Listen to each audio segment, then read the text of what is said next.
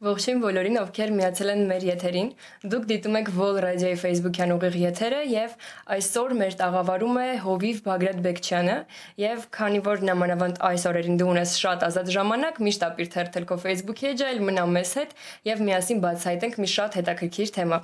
Բարև ձեզ։ Բարև ձեզ։ Ինչպե՞ս եք։ Փարքիսուսին։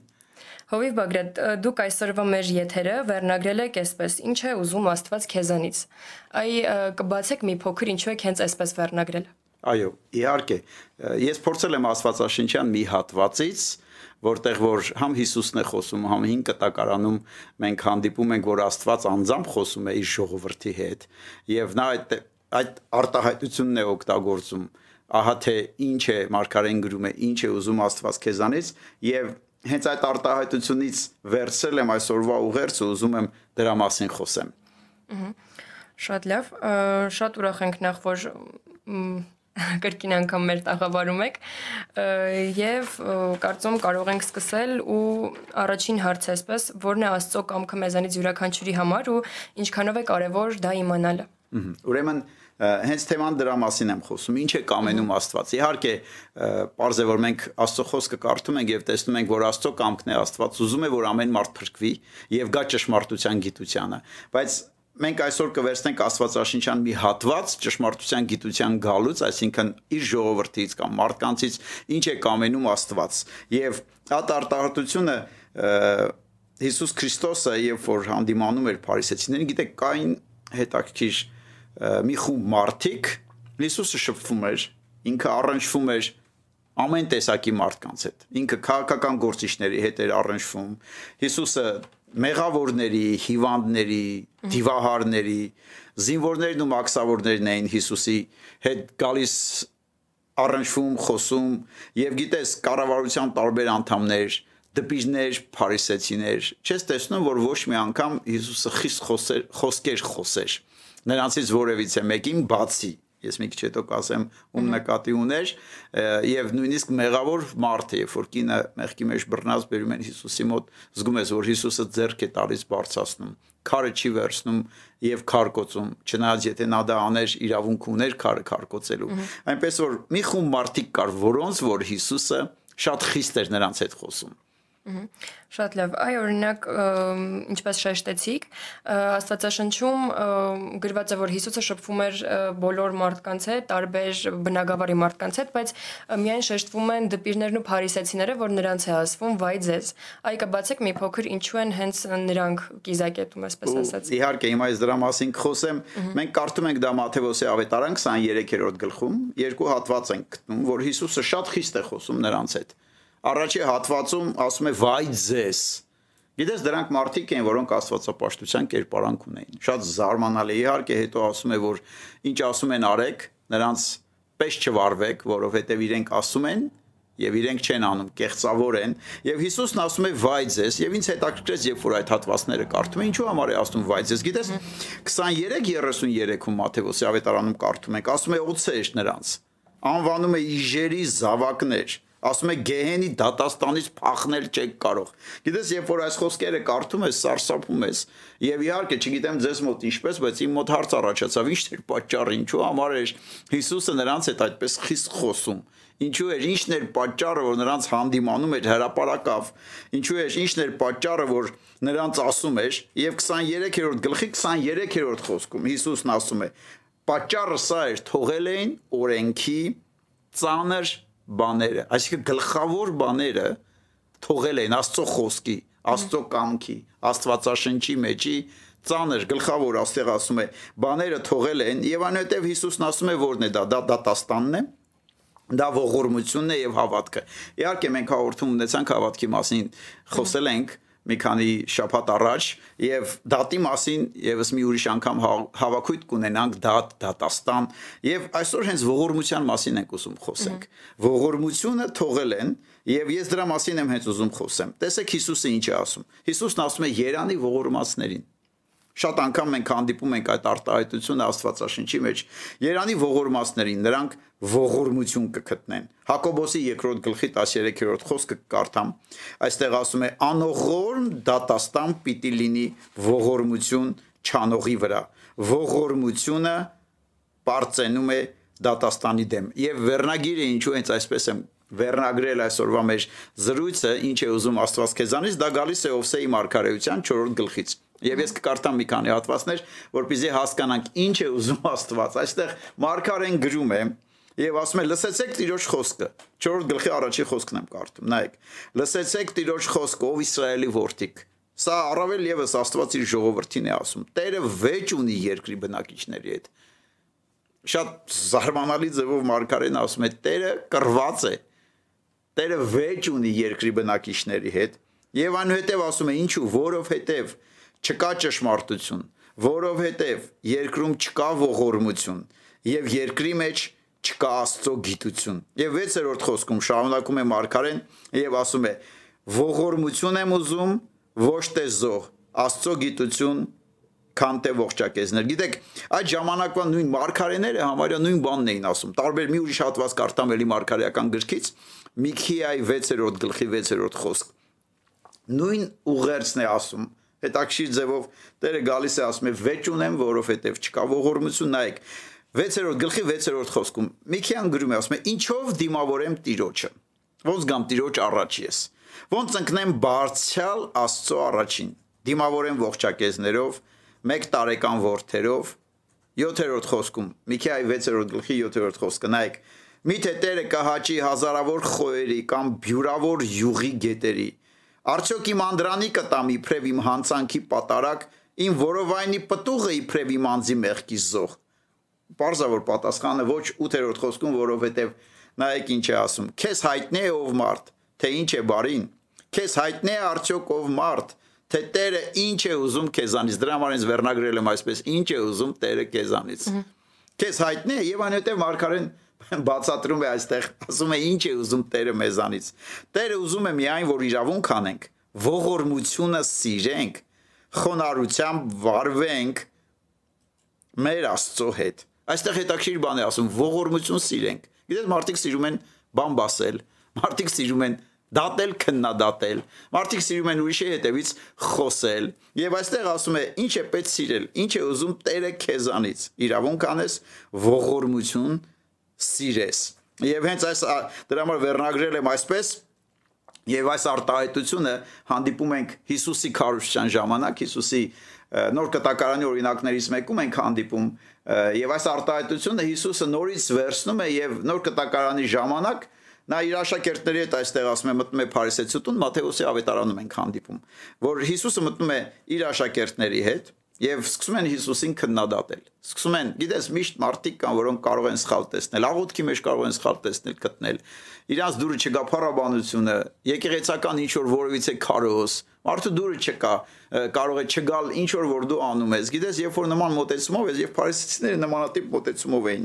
նրանք ապրում, եւ Հիսուսը մտնում է, շատ մտնում է մի փրկելու մեղավորին, մտնում է նրա տուն, նպատակը ոչ թե նրա հետ մեղ գործելու, Հիսուսը մտնում է նրան մեղքի կյանքից ազատելու։ Մտնում է Հիսուսը աշակերտներին, փարիսեցիները հարցնում են։ Մատթեոս 9-րդ գլխի 11-րդ խոսքն եմ կարդում։ Փարիսեցիները երբ որ տեսնում են մի բան,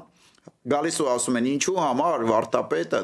ուտում է մաքսավորների հետ, մեղավորների հետ ժամանակ է անցկացնում։ Եվ երբ որ Հիսուսը լսում է հետեւյալ խոսքերն է ասում։ Նայեք այս Հիսուսի խոսքերից զարմանալի ձևով երբ որ լսում ենք ինչ է ասում Հիսուսը, մեզ ինձ մոտ հարց առաջացավ։ Նայեք, երբ որ Հիսուսը լսում է նա ասում է առողջները բժիշկի կարիք, կարիք չունեն, այլ հիվանդները։ Եվ դա པարզու հասկանալի է։ 13-րդ խոսքում ասում է գնացեք սովորեք ում է ասում Աստվածաշունչը իմացող մարդկանց, որոնք տարիներով Աստվածապաշտության կերպարանք ունեին, նրանց ասում է սովորեք, այսինքն սովորել է պետք։ Սովորեք ինչ է նշանակում ողորմություն եմ կամենում ոչ զո, որովհետև ես չեմ եկել արդարներին կանչելու, այլ մեղավորներին ապաշխարության։ Այ Հիսուսը վերցնում է նորից նույն մարգարեական խոսքերը եւ նա ասում է գնացեք սովորեք։ Ինչ է նշանակում Գնացեք սովորեք, որպեսզի հասկանաք ողորմած լինել ինչ է նշանակում։ Սիրելիներս բոլոր նրանց համար ովքեր մեզ նոր են միացել, ուզում եմ ասել, որ այսօր մեր տաղավարում է Բագրատ Բեկչյանը եւ մենք խոսում ենք ինչ է ուզում Աստված քեզանից թեմայի շուրջ։ Իդեպ դուք նույնպես կարող եք ձեզ հուզող հարցերը կամ ինչ որ հետաքրքիր հարցեր գրել մեր մեկնաբանություններում եւ մենք անպայման կանդրադառնանք դրանց։ Հովիվ ջան,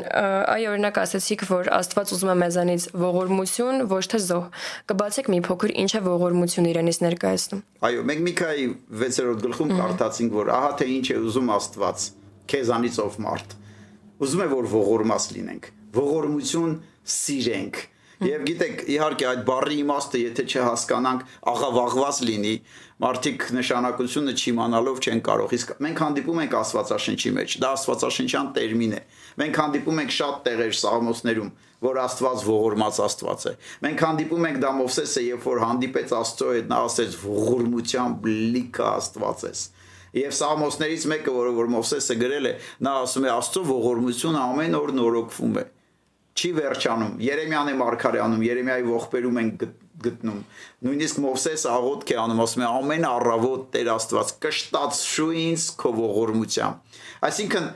ողորմած է մեր Աստված, ուզում է ես ու դու էլ այդպեսին լինենք եւ եթե մենք մտածում ենք ողորմությունը դա նշանակում է մուրած կանին ինչ որ գումարով օգնել, ապա սխալվում ենք։ Գիտեք Հիսուսն ասեց աղքատներին ունեք այո ձեզ հետ եւ մենք օգնում ենք, հասնում ենք, բայց ողորմությունը, ողորմություն անելը, ողորմություն ցույց տալը դա ավելին է, քան թե մուրասկանին մի երկու կոպեկ տալը եւ դրա համար շատ անգամ մենք խառնում ենք Երբեմն մենք ողորմած չենք հասկանում ինչ է նշանակում ում ենք ողորմած համարում եւ Հիսուսը սրա մասին սովորեցնում է։ Իհարկե, Աստվածաշնչի մեջ մենք միայն կարող ենք տեսնել։ Մենք Հիսուսը սրա մասին խոսում էինք, ասում է գնացեք սովորեք, որտեղ սովորենք, նայենք Աստվածաշնչի մեջ, նայենք Հիսուսի կյանքին, նայենք Հիսուսի պատմությունների եւ քարոզի մեջ, եւ Հիսուսը շատ է խոսում դրա մասին։ 5 կտակարանում ես կարդացի եւ թեմայի վերնագիրը այսօր ինձ այդպես էլ դրել ենք. Ինչ է ուզում Աստված քեզանից ուզում է որ ողորմություն սիրենք ողորմած լինենք նոր կտակարանում Հիսուսը եկել է որպեսզի բացի մենք ավելի հասկանանք մենք ավելի տեսնենք եւ ես երեք պատմություն եմ ուզում թեթև ամեն մի պատմությունը կպատմեմ այդ պատմությունների միջոցով Հիսուսը յուրահատուկ ձևով օգտագործում է ողորմություն ողորմած լինել ողորմություն բառը հանդիպում ենք այդ պատմություններից ամեն մեկի մեջ մեկ ուրիշ բառերով ասած այդ պատմությունների միջոցով մեր Տեր Աստված կամենում է որպեսզի մեզ բացատրի ինչ է նշանակում ողորմած լինել։ Եվ առաջի պատմությունը ես կասեմ, դա մենք կարող ենք կարդալ Ղուկասի ավետարան 10-րդ գլխի 30 խոսքից։ Ես գիտես կարող եմ բացել եւ կարդամ պատմությունը եւ անուհետեւ բացեմ, որովհետեւ երեք պատմություններն շատ հետաքրքիր պատմություններ են ամեն մեկը Աստվածաշնչյան ավետարանի մեջ մենք գտնում ենք Հիսուսը դրա մասին խոսում է եւ գիտես ուղակի կարդամ պատմություն այդ պատմությունը կփորձեմ արագ կարդամ այդ պատմության մասին բոլորս տեղյակ ենք մենք դա կոչում ենք բարի սամարացու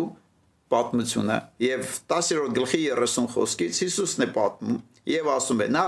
պատմում է պատմություն չի ասում արագ նա ասում է սա պատմություն էր Եվ այդ պատմությունը այսպես էր. մի մարդ Երուսաղեմից իջնում էր Երիքով, ավազակների ձեռքն ընկնում Գիտես, նրանք էլ մեր կացնում են, խոցոտում են, կիսամաղ թողում են եւ գնում են։ Դիպվածով մի քահանա էր իշնում նույն ճանապարհով։ Նրան տեսնում են, անցնում են։ Նույնպես էլ մի ղևտացի այն տեղը հասնում է, գալիս է, տեսնում ու անցնում է։ Մի սամարացի էլ, որը ճանապարհորդում էր, եկավ այնտեղ եւ նրան տեսնելով գթաց։ Մոտ եկավ, նրա խոցերը փաթաթեց, վրան ձեթ եւ գինի ածեց եւ իշ անասունի վրա դրած տարավ մի իջևան։ Հոգ տարավ։ Եվ հետևյալ օրը, երբ որ այդտեղից դուրս էր գնում, երկու դահեկան հանեց։ Իջևանի տիրոջը տվեց եւ ասեց նրան. «Դրան հոգ տար։ Եվ ինչ որ ավելի ծախս անես, մյուս անգամ ետ դառնալուց ես դա կվճարեմ»։ Հիմա այն երեքից ո՞րն է երևում քեզ թե ընկեր է եղել այն ավազակների ձեռքը ընկածից։ Իհարկե, այստեղ Հիսուսը հարց է տալիս եւ նա 37-րդ խոսքում հարցին պատասխանում են։ Հիսուսը պատասխանում պատասխանում են հետեւյալ բառերով. Նա, ով որ ողորմություն արավ այդ ընկածին։ Գիտես, մենք կարող ենք նստել, նայեք այստեղ Այս պատմությունից ինչ ենք տեսնում։ Ինչ արեց Սամարացին։ Ողորմություն արեց։ Մեր բառերով ինչ արեց։ Ընկածին, որին չէր ճանաչում, օգնեց, բարձացրեց, ձեռ գցեց։ Գիտես, կարող էր միգուցե քահանան անցավ, ղևտացին անցավ, տեսավ նրան, չգիտեմ, սկսեց դատել ու քննադատել։ Չի պիտի գնար Երիքով կարող էր ասել Աստծո խոսքում միգուցե տարբեր պատճառներ, ինչու երիքով, ինչու ինքն էլ էր այդ ճանապարհի վրա։ Կարող էր ասել Սամարացի այս մարդը, սրան այսպես էլ պետք է։ Գիտես, եւ երբեմն մարդիկ, երբ որ ընկած մարդ են տեսնում, մարդու կյանքում ինչ որ բան է եղնում, գիտես, միշտ հայտնում հայտնվում են դատողները, հայտնվում են մարդիկ, որ ասում են ես ասում եի, չէ, հայտնվում են մարդիկ ասում են ես ճիշտ էի, հա, տեսակ, ես գիտեի ամեն բան, գիտես, պետք չի ինքած մարդուն գլխին քարոս կարդալ։ Պետք չի ինքած մարդուն գալ վերևից կանգնել ու նայել։ Ինքած մարդուն պետքա ձերկ տալ, ինչ որ դժվարության խնդրի միջով օգնել ու բարձրացնել։ Նայեք, հոբը ամենալավ, գիտես, օրինակն է, որ մենք կարդում ենք հոբի գրքի 6-րդ գլխի 14-րդ խոսքում հոբն է գրում։ Գիտես, դրա կյանքում մի բան եղավ։ Եվ լինում են կյանքում բաներ, կողքը դու ամեն բան չգիտես, դու ամեն ինչ չես էլ կարող հասկանալ։ Դու չգիտես հոգևոր աշխարհը, չես իմանում, չես պատկերացնում ինչա կատարվում այնտեղ կան դժողքի ուժեր, մեր պատերազմը իրական է, այո։ Եվ մարդիկ առանց այս ամենը իմանալու, առանց ողջ ինֆորմացիան իմանալու նրանք կարող են դատել։ Եվ գիտես ինչ, հոբը ընկել է շատ դժվար իրավիճակի մեջ։ Նրա ընկերները եկել են եւ գիտես մի քանի օր լուր մնալուց հետո սկսել են խոսել։ Գիտես, ընկած մարդուն պետք չէր քարոս կարդալ։ Սկսեցին դատել, սկսեցին խելք սովորացնել, սկսեցին ասել, հա, մի հատ նայիշ հələ ասա ինչ մեղք ես գործել, մենք գիտենք, որ դու մի բան ունես քո կյանքիդ մեջ, որի պատճառով նման վիճակ վիճակի մեջ ես հայտնվել։ Գիտես, ընկածին եւ հոբն է գրում 6-րդ գլխի 14-րդ խոսք, եւ եթե դու լսում ես նայ ուշադիր Ինչ է այստեղ ասում, հալումաշ եղողին ողորմություն է պետք։ Ուզում է ասի, հասկացեք, քարոզը ձեզ պետք, ինձ պետք չի, որ դուք հիմա եկել եք։ Ես այս վիճակի մեջ կինը թողել գնացել էր։ Իրան թվում էր, թե Աստված է իրան թողել գնացել։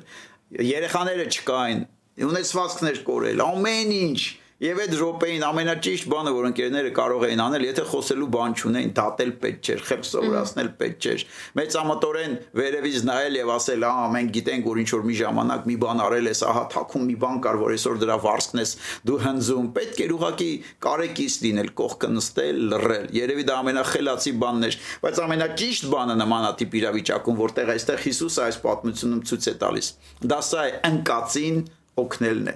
հետ բերելն է մարդը որը որ ընկել է մեղքի մեջ աստուց հեռացնելն է հեռացել է ձեռք տալ քաշել հանելն է ընկածին այստեղ ասում է ողորմություն ցույց տալը բարձրացնելն է Եվ ահա սա է առաջի պատմությունը։ Հիսուսը երեք պատմություն է պատմում։ Առաջի պատմության մեջ մենք տեսնում ենք ողորմած լինել, նա ասում է Սամարացուն, Սամարացին, գիտեք, այստեղ կներեք Սամարացին, այո, որը որ դիպվածով անցնում էր եւ գիտես նա ինչ արեց նա ձերք մեկնեց նա բերեց նա անշահախնդիր ձևով դա արեց նա չարեց ցույց տալու համար փող փչելու հնչեցնելու չարեց ուրիշներին ուղակի ասելու ինչ լավն եմ ես ոչ ոք չէր տեսնում ոչ ոք չտեսավ նա անեց արեց անշահախնդիր ձևով եւ Հիսուսն ասում է այդպես էլ ես ու դու արվենք մենք ուրիշների հետ այնպես որ ողորմությունը համար առաջինը Հիսուսի խոսքերով Հիսուսի պատմած պատմության մեջ մենք տեսնում ենք որ դա ընկածին ձեռք տալն է ընկածին բարձրացնելն է։ Ահա ինչ այստեղ այս պատմությունը մեզ ասում։ շատ լավ։ Օրինակ ողորմության մեջ է մտնում նաև ներումը ներման հետ կապված ինչ որ պատմություն կարող եք բերել Գիտեք, նորից այդ պատմությունները էլի Հիսուսն է։ Իսկ չներումը նույնպես ողորմության հակառակ ինչ որ բան է։ Ես դատելու մասին խոսեմ, հետո չներելը, որովհետև սկզբից միշտ դատեղությունն է, գայ որ մարդ չի հասկանում ինչ է կատարում, շատ հեշտ է դատել շատ հեշտ է դատել եւ Հիսուսը դատելու մասին է խոսում հետո Հիսուսը խոսում է ներելու մասին եւ թե երկուսն էլ երկու պատմությունում էլ Հիսուս նորից օգտագործում է ողորմած լինելու բառը նայեք Մատթեոսի ավետարան 12-րդ գլուխ առաջինից 7-րդ խոսքերը կարդամ այստեղ փարիսեցիները դատում են մի բան որ չեն հասկանում իրանց ուղեղի մեջ այդ բանը այդ բանը չի կարող դա Մատթեոսի ավետարան եւ ես կկարդամ առաջի գլխից նայեք Նրանց համար դա շատ մի անհասկանալի բան է։ Ինչ է տեղի ունենում։ Նրանք նայում են Մատթեոսի ավետարանում 12-ի առաջի խոսքից այո կներեք։ Հիսուսը շաբաթ օրը արտերի միջով է անցնում իր աշակերտների հետ, սկսում են հասկ փոկել ու ուտել։ Փարիսեցիները հանկարծ որ տեսնում են, Գիտես, այնպեսի տպավորություն է, որ փարիսեցիները կանգնած ման էին գալի, որ մի բան գտնեն չարախոսելու համար։ Եվ դա շատ ված, շատ ված, ես կասեմ, մոտեցում է սրտի դիրք է շատ ված եւ որ կանգնած ման ես գալիս մի բան ուղակի խոսելու, չարախոսելու, փնփնտալու, դժգոհելու, մարդուն դատելու եւ նայեք այստեղ Եվ Հիսուսը հենց նրանց է ասում. «Վայ ձեզ, օծի զավակներ», շատ խիստ ձևով է խոսում նմանատիպ մոտեցում ունեցող մարդկանց։ Եվ այստեղ ասում է. Փարիսեցիները հենց տեսան, ասեցին. «Ահա, քո աշակերտները տես ինչ են անում, արժան չէ այս բանը անելը շաբաթ օրը»։ Գիտես, Հիսուսն է նրանց ասում է. «Չեք կարդացել»։ Ուզում է ասել, չեք հասկանում դուք։ Դուք չեք հասկանում։ Երբ որ մի բան չեք հասկանում, դատել պետք չէ։ Դուք կարդացել եք, թե ինչ արեց Դավիթը,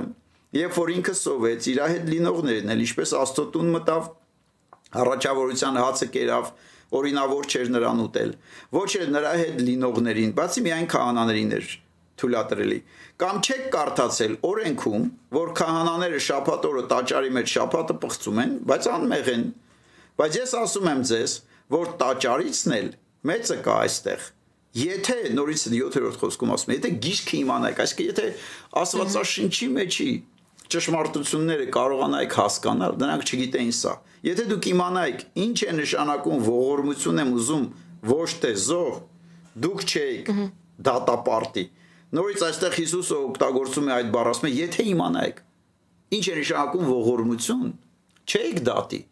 Եվ ողորմությունը այստեղ Հիսուսի խոսքերով դա սա է։ Ողորմություն ասելով Հիսուս ասում է ուրիշին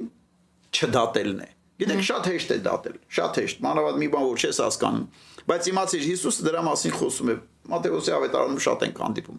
7-րդ գլուխը ես ասեցի առաջի խոսքից այնտեղ ասում է՝ մի դատեք։ Ինչու որտեվ եթե չդատեք, չեք էլ դատվի։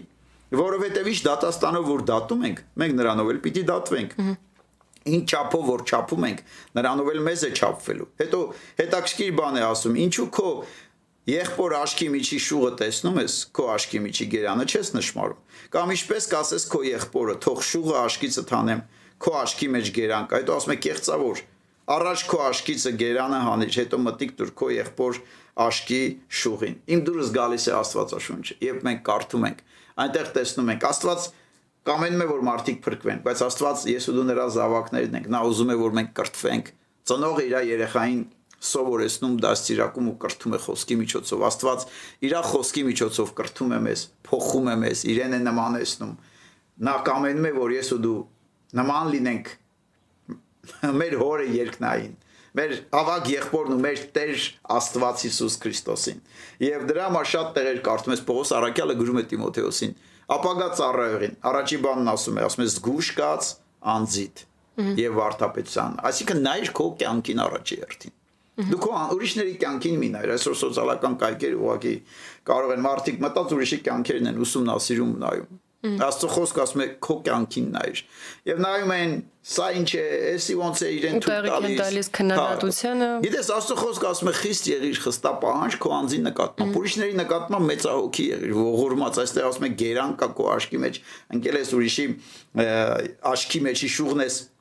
ուզում քո եղբոր աշկի մեջի շուհն ես հանում եւ դրա համար էլ ասում ես գուշկած անձի վարդապետությանը որովհետեւ դա անելով քո անձը կապրեսնես լսողներիդ էլ ասում է օգուտ կտաս դրա համար մենք պետք է մեր նկատմամբ խստապահանջ լինենք մարդիկ ասում են ոնց նա համարցակվեց այստեղ պարիսեցիները նույն բանն են երևի խոսում ոնց ինչպես Հիսուսը իր աշակերտների հետ թույլ տվեց իրեն այդ բանն անելու Հիսուսն ասեց ձեր գործը չի եւ Հիսուսն այստեղ ասեց եթե իմանաք ողորմությունը ինչ է նշանակում ողորմությունը դա նշանակում է ուրիշին չդատել, որովհետև Պողոս Արաքյալն է գրում Կորինթոսի եկեղեցում նրան սկսել էին դատել։ Եվ նա ասում է, լսեք, ասում է, ես որ ձեր կողմից դատվում եմ, ինձ համար դա հեչ է։ Գիտեք, որովհետև կգա ժամանակ, Աստված կհանի ամեն ինչ։ Եվ ոչ միայն այն ինչ աշկի երևույթով երևում է, այլ սրտի մեջի շարժառիթները։ Եվ այդ ժամանակ ամեն մեկի པարծանքը կլինի տիրոջից։ Դա մի ուրիշ թեման է, որի մասին խոսելու ենք։ Դատի արժե, որ ամեն մեկս կանգնելու ենք։ Թակավորած գրքում էլ է շեշտվում, որ մարդիկ նայում են աչքի առաջինը, իսկ Աստված նայում է սրտին։ Այո, որովհետև չգիտես այդ շարժառիթները ինչ սրտով, ինչու համար է այդ մարդը անում։ Նայեք Հակոբոս 4-րդ գլխի 11-րդ խոսքում, էլի դատելու հետ կապված այստեղ։ Հետո մենք խոսենք էլի ներելու մասին, որովհետև Հիսուս այս պատմությունների իր խոսքի միջոցով բերում է հասկացողություն, որ իմանանք ողորմություն, ողորմած լինել ինչ է նշանակում։ Հակոբոս 4-րդ գլխի 11-րդ խոսքում ասում է իրար մի բան բասեք։ Հակոբոսը գրում է հավատացյալներին։ Եղբայր թող եղբայրը եղբորը չբամբասի, որովհետև իմացեք, եղբորը դատողը օրենքն է բամբասում, Եղբորը դատողը օրենքն է դատում, եւ եթե դու օրենքը դատում ես, դու էլ օրենքի կատարողը ես, դու ուրեմն դատավորն ես։ Մեկ դատավոր կա, մեկ օրենսդիր, որը կարող է փրկել եւ կորցնել։ Եվ հետաքրքիր մի բան է ասում, գիտես դու ով ես, որ ուրիշին դատում ես։ Գիտես մենք դրա համար պետք է շատ զգուշ լինենք եւ խիստ մեր անձերին իմանանք եւ գիտես վարքի մեջ մենք ինչպես վարվենք եւ դրա համար ասում է իրար մի բան բասեք ահա ինչ վերաբերվում է ուրեմն մյուս բանը պատմությունը որը որ մենք կարդացինք այստեղ որ Հիսուսը փարիսեցիներին հանդիմանում է այս օրինակի մեջ ասում է եթե եթե իմանայիք ինչ է նշանակում ողորմություն եմ կամենում ոչ թե զոհ ապա չէիք դատի այսինքն ողորմությունը ողորմած մարդը երբեք չի դատի ուրիշին։ Սա երկրորդն էր։ Եվ իհարկե դու հարց տվեցիր ներելու մասին։ Նորից խոսեմ էլի ողորմության մասին ենք Այսքան փարիսեցիները հիմնականում տեղիք էին տալիս ավելի շատ օրենքին հետևելուն, զոհին ու ինչ որ կանոնների պահպանմանը, քան ողորմությանը։ Եվ Հիսուսը ասեց թողել են գլխավորը ասել են թողել են գլխավորը եւ հետո ասում է 10 անորդը պիտի տակ աստծո խոսքը կատարեք ասում է եւ սա պիտի կատարեք նա չթողեք, սա պիտի պահեք, նա չպիտի թողեք։ Ասում է, բայց ասում է վայ ձեզ, ինչու, որովհետև ծանր բաներ, այսինքն արժեք ունեցող։ Թողել են ընկել են մանրուքների հետևից։ Դուք դա գլխավորը չէիք գլխավորել։ Կյանքի մեջ կան գլխավոր բաներ, կան երկրորդային բաներ։ Եվ գիտես, parz է, օրինակ այնտեղ 10-րդի մասին է ասում, տալիս եք։ Եվ հետո ասում է արծաթասերներ Ինչու, որովհետև տալիս էին, գիտեն, որ 10-րդը սկզբունք է օրհնությունն է իրանց համար։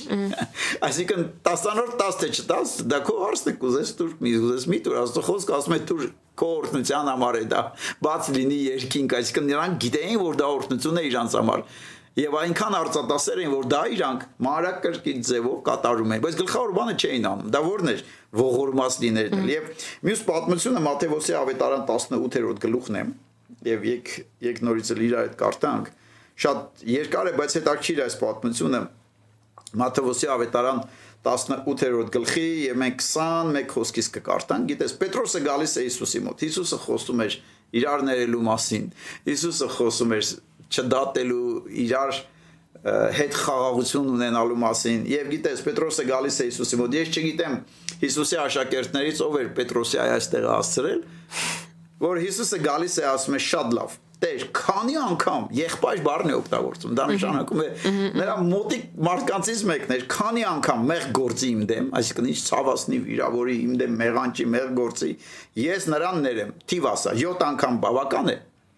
Համբերեմ, եւ նա մտածում էր, հիմա Տերը կասի 7, լավ, եթե ասի 17, մեկա, այդ մարդը արդեն այնքան այնքան չափը անցել է, որ հաստատ մի օր 17-ից ավել կանցնի։ Եվ Հիսուսը հետաքրքիր բան է ասում։ Հիսուսը նրան ասում է, չէ, ոչ թե 7 անգամ, այլ 70 անգամ 7։ Եվ մի ուրիշ տեղ էլ ասում է ամեն օր։ Պարզա որ Պետրոսը արդեն հույսը կորցնում է, որ վրեժ լուծելու հույսը։ Որ եւ ուղղակի լրում է Հիսուս պատմություն է պատմում։ Հիսուսը ասում է երկնքի արքայությունը նմանեցնում է մի թակավոր մարդու ուզեց իր ծառաների հետ հաշվի տեսնել։ Եվ երբ որ սկսեց տեսնել ով է իրան ինչքան պարտք, այստեղ ասում է, բերեցին մեկը, որը որ 10000 քանքար գումար էր պարտք։ Եվ դա մեծ գումար էր, այդ մարդը իր կարողությունից վեր էր, չէր կարող տալ եւ ճուներ նա, եւ Տերը հրամայեց, որ նրա կինը, նրա որդիները, ամեն ինչ որ ուներ, ծախեն եւ բերեն, որ դա այդ մարդը իր պարտքը վճարի։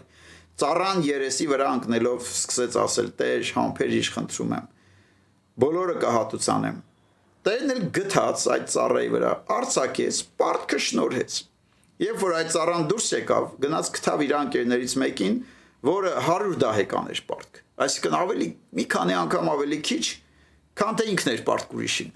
Եվ այստեղ շարունակում է պատմությունը Հիսուսն ասում է, որ այդ մարդը բռնեց նրան, ասեց կվճարես, ինչև վերջ, այն ինչ որ իս պարտքես, եւ գիտես ինչ, Նմանատիպ ձևով նրա ընկերը ընկավ նրա ոդքերի մոտ, ոնց որ ինքն էր ընկել թակավորի ոդքերի առջև, եւ նրան աղաչում էր, խնդրում եմ, համբերիշ, բոլորը կհատուցանեմ, բայց նա չկամեցավ։ Գնաց, գցեց այդ մարդուն բանդ, ինչեւ որ բոլոր պարտքը չվճարի։ Նրա ընկերները, ծառայակիցները, երբ որ այս ամենը տեսան, եկան թակավորի մոտ իրանց տիրոջ մոտ եւ այդ ամենը պատմեցին։ Եվ երբ որ ամեն եղածը պատմեցին, Տերը ջղայնացավ եւ բարկացած կանչեց ծառային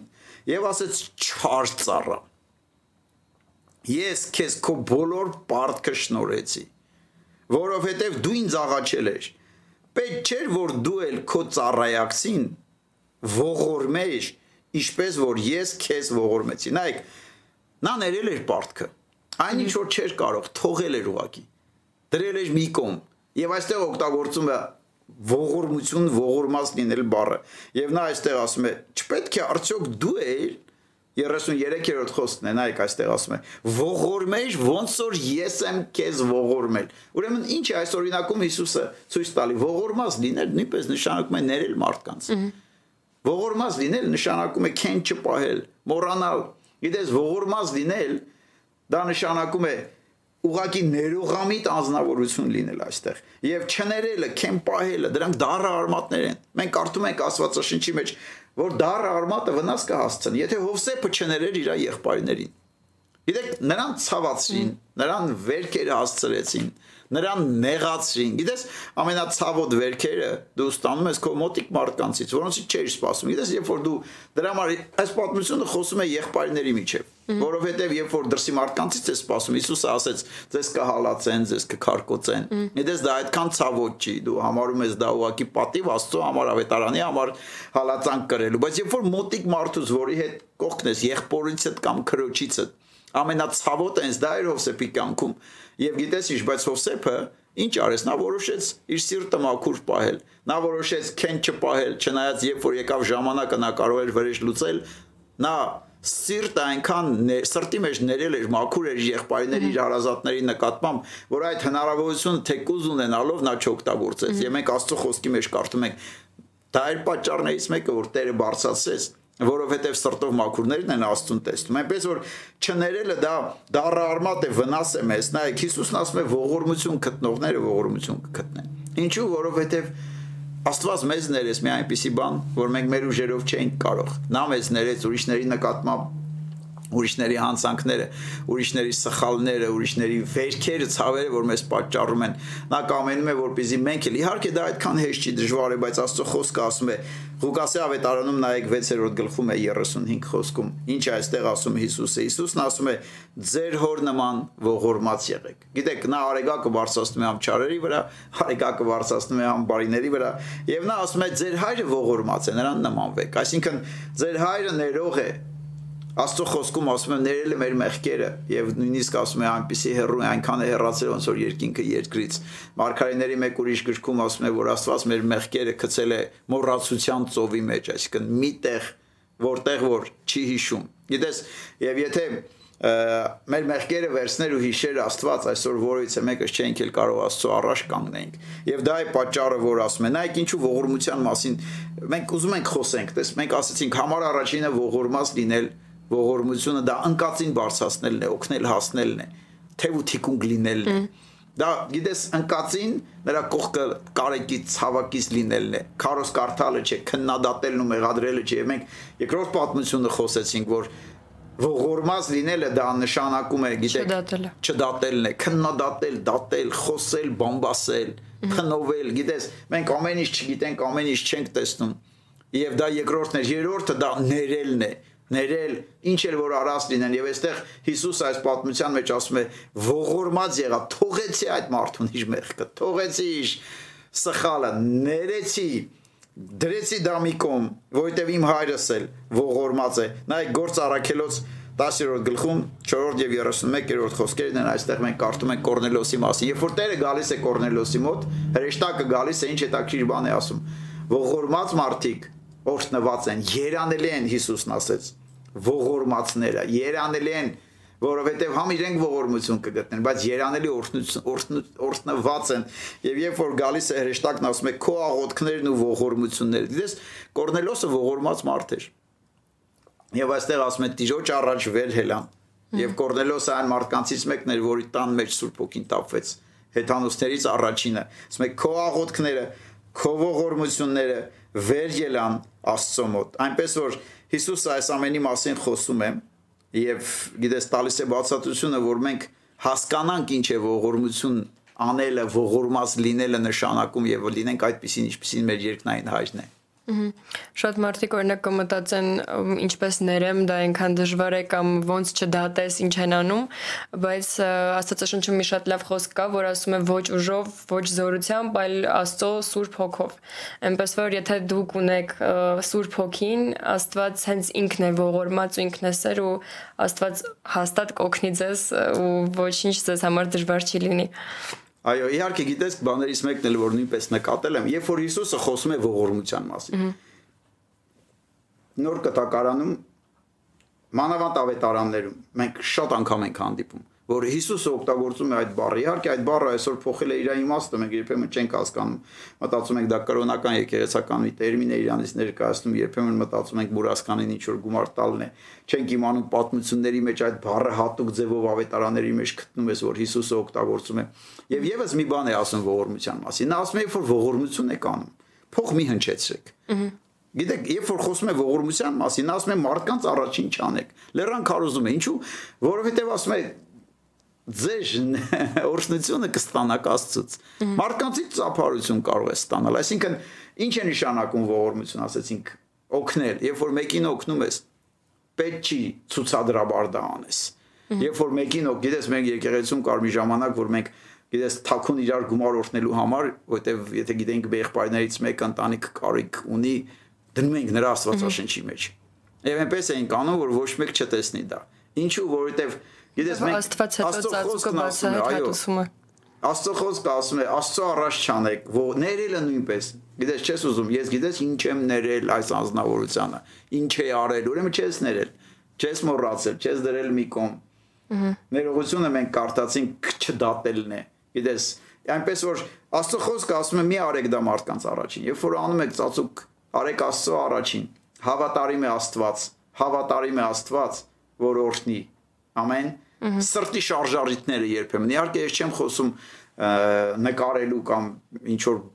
ակցիաներ ենք կատարում եկեղեցով մենք անում ենք ցույց ենք տալի մարդկանց քաջալերում ենք որպեսզի մեզ միանան ես դրա մասին չեմ խոսում ես խոսում եմ սրտի շարժարիտի մասին դու դա անում ես ուրիշի ծափարություն ստանալու դու դա անում ես ուրիշի շնորհակալություն կամ գովաբանություն ստանալու համար թե դա անում ես որովհետև աստծո խոսքն է ասում սերն է շարժում ինձ ու քեզ այդ ուղությամբ։ Դրա համար մենք շատ պիտի զգուշ լինենք։ Եվ նայեք Հակոբոսի 3-րդ գլխի 13-րդ խոսքում այստեղ խոսում է իմաստունների մասին։ Իմաստուն մարդը ողորմած է։ Իմաստուն մարդը ողորմությամբ է վարվում։ Եվ Հակոբոսն է ասում 3-րդ գլխի 13-րդ խոսքում ասում է ով է ձեզանից իմաստուն։ Թող խելացի մարդ իմաստուն ու խելացի մարդու մասին է խոսում։ Եվ այստեղ ասում է թող իր բարի վարքով ցույց տա իր գործերը, իմաստության հեզությունով։ Եվ հետո ասում է, եթե դառը նախանց հակառակություն կա ձեր սրտերում, բամբասանք։ Այստեղ ասում է մի բարձեցեք, սուտ չասեք ճշմարտության դեմ։ Նման տեսակի վարքը, նման իմաստություն Աստծուց չէ։ Դա երկրավոր է, շնչավոր է, դիվական։ Եվ հետո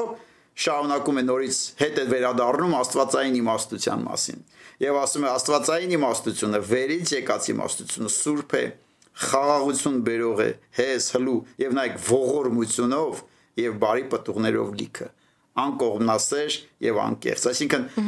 վերևից եկած աստվածային իմաստությունը, որ իմ սրտի ցանկությունն է եւ ես սրանով անուտեւ նույնպես կուզեմ աղոթեմ, որ ամեն մեկի վրա գա աստվածային իմաստությունը։ Այստեղ ասում է լիքն է ողորմությունով ու բարի պատուղներով, որ մենք ներենք, որ մենք բարձրացնենք իրար գիտես եւ մենք չդատենք մանավանդ մի բան որ մեր գործը չի մենք չենք հասկանում չունենք լրիվ պատկերը եւ չունենք լրիվ ճշմարտությունը Մինչ ավարտելը, եթե թույլ կտակ կցանկանայի մի տեղ կարդալ Աստվածաշնչից, գրված է Եփեսացի 6 6-րդ խոսքից, ոչ թե աչքի առաջին ծառայելով մարդկանց հաճո լինողների պես, այլ ինչպես Քրիստոսի ծառաներ, որ Աստծո կամքն են անում սրտանց հոժարությամբ ծառայելով Տիրոջը եւ ոչ թե մարդկանց, գիտենալով, որ ամեն ինչ բարի ինչ որ անի, նույնը կընդունի Տիրոջից, թե ծառա լինի, թե ազատ։ Այո, մենք անում ենք Տիրոջ համար։ Ահա մենք անում ենք Եվ մեր սպասումը պետք է լինի Աստծուց։ Եվ հավատարիմ է Աստված։ Եփրայցից թուղթն ասում է անիրավ է չի մոռանա որևիցե մի բան, որ արեցիք նրա սիրո եւ Աստծո գործի համար։ Շնորհակալություն շատ ձեզ հիանալի իրականում զրույցի համար, շփման համար եւ մինչ ավարտելը կարծում եմ մեր դիտողները նույնպես դեմ չեն լինի, որպեսզի միասին աղոթք անենք եւ այս թեմայի շուրջ մեր դիտողների համար հենց որպեսզի ամեն մեկ ունենա ճիշտ սրտի դիրք ու Աստծո առաջ ճիշտ սրտի դիրքով անի ողորմություն մարդկանց։ Մենք աղոթելու ենք ու ես սրտանց կաղոթեմ իհարկե։ Ինչպես ասեցինք Հիսուսն ասեց ողորմած եղեք ձեր հոր նման բացատրելով Ինչ է ուզում Աստված մեզանից, ասեց Աստված ուզում է ողորմություն սիրենք։ Ոչ թե դատել, բամբասել, փնովել, ուրիշի վրա ծաղրել։ Աստված ուզում է ողորմություն սիրենք։ Եվ գիտես աղոթք եմ անելու, որովհետև ողորմած լինելը Հիսուսի պատմություններից մեր Տերը մեզ մեր Աստված իր խոսքի մեջ բացատրեց ու ցույց տվեց, որ դա օգնելն է, ուրիշին բարձրացնելն է։ Տեսանք, որ դա ներելն ու չդատելն է Եվ գիտես, մենք դա միայն կարող ենք անել, ինչպես մի քիչ առաջ խոսում ենք, իմանալով ինչ հոգի ես ու դու ունենք։ Մենք ունենք ամենակարող Աստծո հոգին, որը եկել է մեր կյանքի մեջ, օգնի, դա այն հոգին է, որը որ գիտես, Աստծո խոսքը ասում է, Տերը չի տվել մեզ վախի, Տերը չի տվել մեզ ծառայության, դա Աստծո հոգին է, մեր հոր հոգին է, որով Տերը ներել է մեզ, դա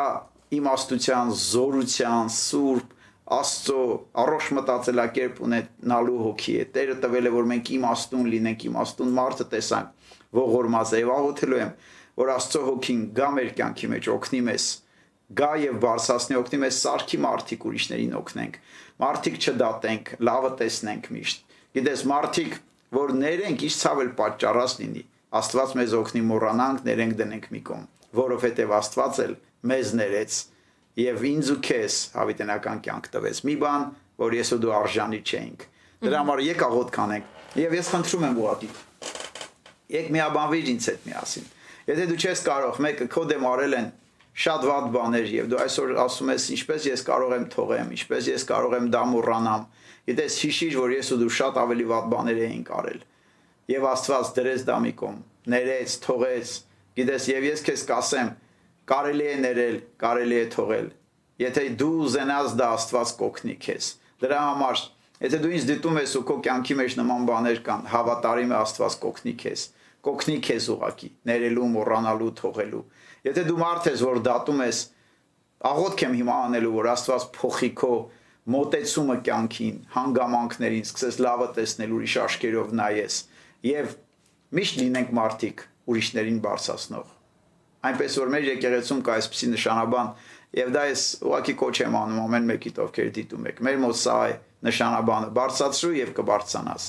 եւ երբ որ բարձանաս ձեռք ցիր ուրիշին բարձացրու որովհետեւ մենք մի ընտանիք ենք մի եկեղեցի ենք մի թիմ ենք իրար հետ եւ ունենք նույն հայրը երկնքում ու մի Տեր Հիսուս Քրիստոս որը խաչվեց մեր բոլորիս մեղքերի համար հայր ես շնորհակալություն եմ հայտնում ես քեզ փառք եմ տալի քո տապած աժան համար Եվ գոհանում եմ քո քո համար որ տվել ես ամեն մեկիս հայր։ Ես բերում եմ թանկագին իմ եղբայր քույրերին ամեն մեկին ովքեր որ դիտում են։ Այսօրվա խոսքը թող բացի մեր հոգու աշկերը, որ մենք հասկանանք մեր միտքը, բաց լինի, իմանանք ինչ է քո խոսքը ասում, ողորմած լինելու մասին։ Եվ մենք ողորմություն սիրող մարդիկ լինենք, որովհետև դու ես դա ուզում ասում ես, ով մարդ Քեզանից սա եմ ես ուզում։ Դու մեր հայրն ես ու մենք քեզ նման ենք ուզում, ողորմած լինենք, Տեր, եւ մենք քո խոսքի մեջ տեսանք։ Դրա համար աղոթում եմ հայր ամենակարող։ Քո հոգին թող զորացնի ամեն մեկին։ Ոնց որ Հովսեփի աղեղը ամուր կանգնած մնաց, նրան նետաձիգ արին ցավացին։ Նա բայց ամուր կանգնեց, նա թույլ չտվեց իր սրտի մեջ այդ դառը արմատը գա։ Խնդրում եմ օգնիր ամեն մեկին, ովքեր որ ներելու խնդիր ունեն, օգնիր վեր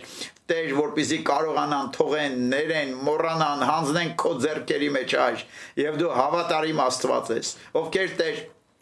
տեսողության հետ խնդիր ունեն, հոգևոր տեսողության մասին եմ խոսում, որի պատճառով դատում են, վատն են տեսնում, փնովում, քննադատում են, փոխիր տեսողությունը, բաց աշկերը, տեսնելու Տեր ամենակարող ուրիշ ձևով ուրիշ կողմով հասկանալու որ մենք դատավոր չենք մի դատավոր կա հասկանալու որ մենք եղբայր ու քույրեր ենք իրար հետ միասին մենք թշնամիներ չենք հասկանալու լավը տեսնելու եւ նույնպես քո խոսքը ոնց որ ասում է ձեռք գցելու իրար բարձրացնելու կարեկից լինելու իրար Տեր Աստված սրտացավ ու գթած իրար նկատմամբ իրար հետ միասին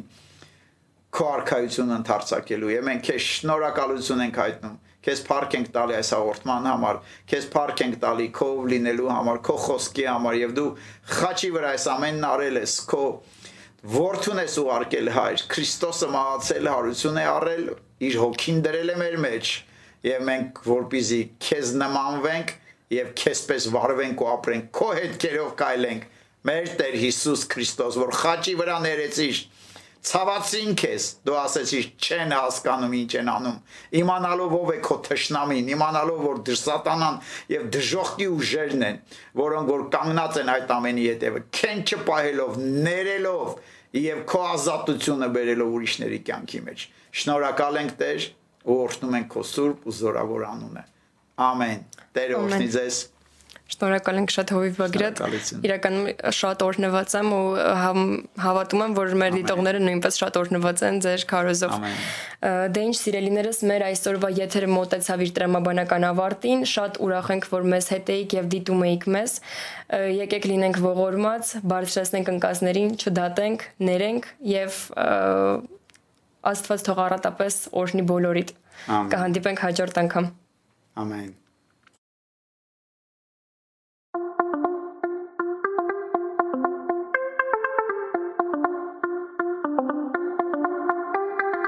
Սիրելի դիտորդ, քեզ ենք ներկայացնում Vol Radio-ն։ Մեր տեսիլքն է մեդիայի միջոցով ավետարանել ամբողջ աշխարհին։ Եթե դու ուզում ես դառնալ այդ տեսիլքի մի մասնիկը, ապա կարող ես աջակցել ֆինանսապես կամ դառնալ մեր հովանավորը։ Աստծո գործ առաջ տանելու համար մենք ունենք քո կարիքը, եւ թող Աստված օրհնի քո զոհը։